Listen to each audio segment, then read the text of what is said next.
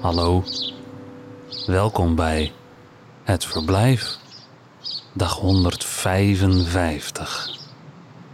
Vandaag Eva Klute leest Mijn leven als mens van Joke van Leeuwen.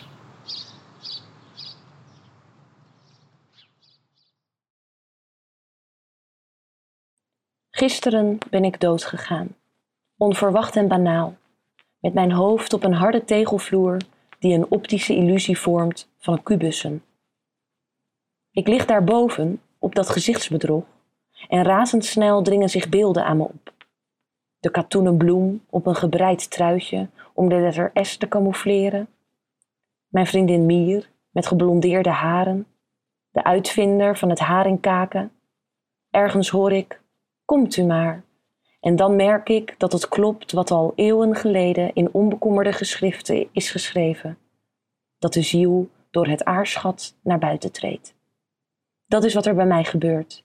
Ik weet me als ziel moeizaam mijn lichaam uit te wurmen, daarbij nog één keer de vleugjes lust voelend die ik bij leven van volle drollen kende.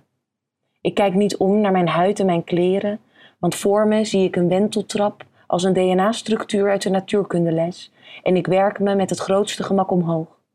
Er is geen zwaartekracht meer, geen vermoeidheid of geniepig zeurend litteken, maar, zing ik voor me uit, ik heb geen neus, ik heb geen mond, ik heb geen glimlach, ik heb geen tong, ik heb geen kin, ik heb geen nek, ik heb geen tieten. Bovenaan de wenteltrap staat een lichte wolkenwagen op me te wachten, zoals ik me die voorstelde toen mijn grootmoeder daarover een gezang zong met het accent van haar geboorteland. De wagen verandert van vorm terwijl ik naar het hiernamaals wordt gebracht. En daar zie ik dat alles ook telkens een andere vorm aanneemt, zoals een levend mens eindeloos naar de veranderende wolken kan kijken zonder daardoor een identiteitscrisis op te lopen. Als in een lichtvoetig spel wordt een tuin met stromend water een paleis vol juwelen en dat weer een eiland met een boom en een fontein en een poort van smaragd en een stad met gouden straten. Het is er, want het is geen plaats, maar een toestand. Ik betreed een enorme wachtzaal vol ronddolende zielen, maar niemand kan meer voordringen. En als een verse ziel, nog niet helemaal gewend, uitroept: Weet u wel wie ik was? Wordt daar vrolijk om gelachen. Ik moet een volgnummer trekken, maar ik zie geen nummer, wat me meteen wordt uitgelegd door een ziel die daar al langer rondwaart, al hebben we hier geen idee van de tijd. In elk geval begrijp ik dat het iets te maken heeft met laatsten die de eersten zullen zijn en andersom. Maar dat zelfs dat niet meer uitmaakt, want duizend jaar is als één dag. Oh, zit dat zo, zeg ik. Dus het is hier altijd, alleen maar nu. Dat was het op aarde. Ik moet doorschuiven over het zachte, grasachtige tapijt, want er komen veel nieuwe zielen aan. Er wordt gefluisterd over een scheet uit het aardse binnenste met alle gevolgen voor wat er op zijn korst ronddolt. Maar het kan ook toeval zijn dat ze van overal op de bol vol sterfelijk leven tegelijkertijd zijn opgeklommen, uit het gekrioel van miljoenen steden en uit vergeten dorpjes aan bruine rivieren, want je ziet nu eenmaal niet aan al die zielen waar ze vandaan komen. En je kunt je geliefde wel gaan zoeken, dat wil ik ook, ik wil mijn dode zusje vinden, maar net als door ecstasy kun je hier van iedereen tegelijk houden van je hele kluwe, seriële beminde.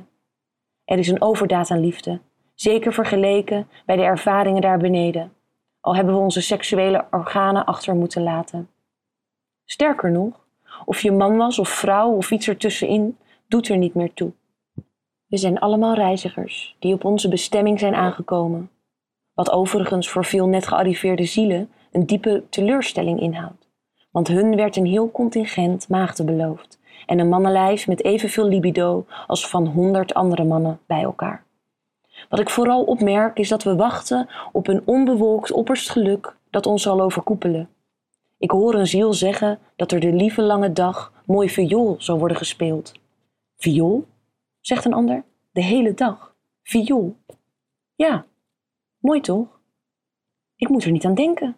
Ah, dat kan dan ook niet meer. En krijgen we vleugels? Dat weten we nog niet. We zullen zien wat nu nog in raadselen gehuld is.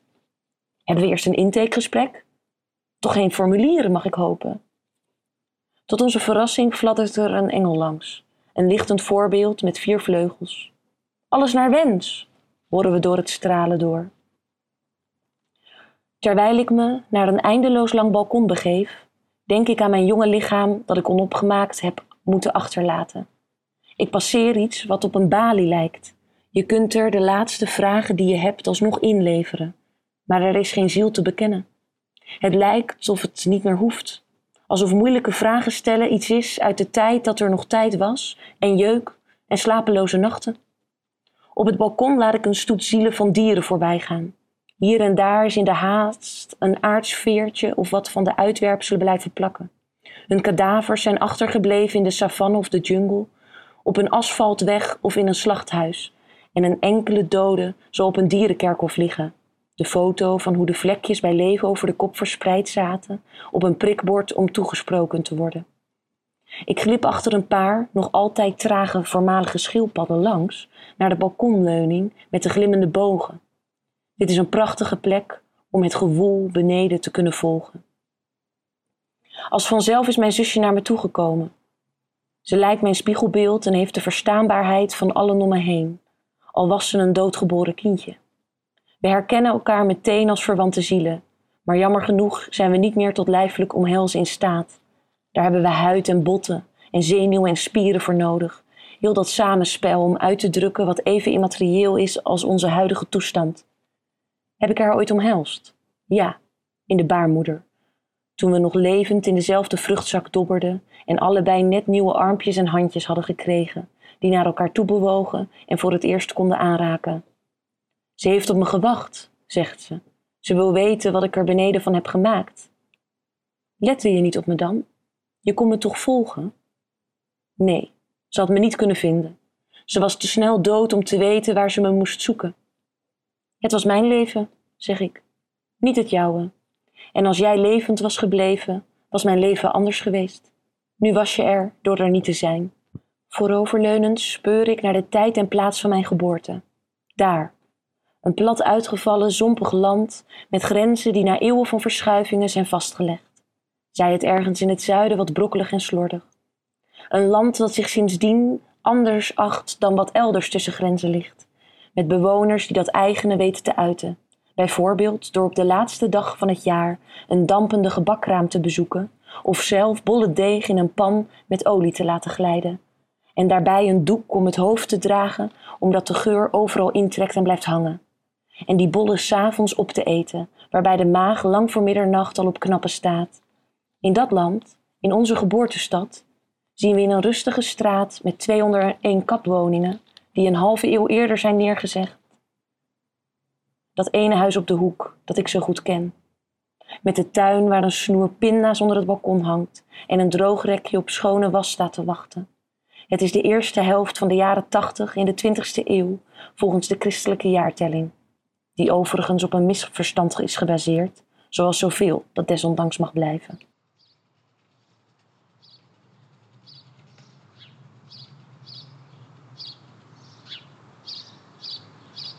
Het verblijf is een initiatief van Mark van Oostendorp. Redactie: Johan Oosterman, Iris van Erven, Jaap de Jong en Lot Broos. Ik ben Michiel van der Weerthof en wens je een aangenaam verblijf.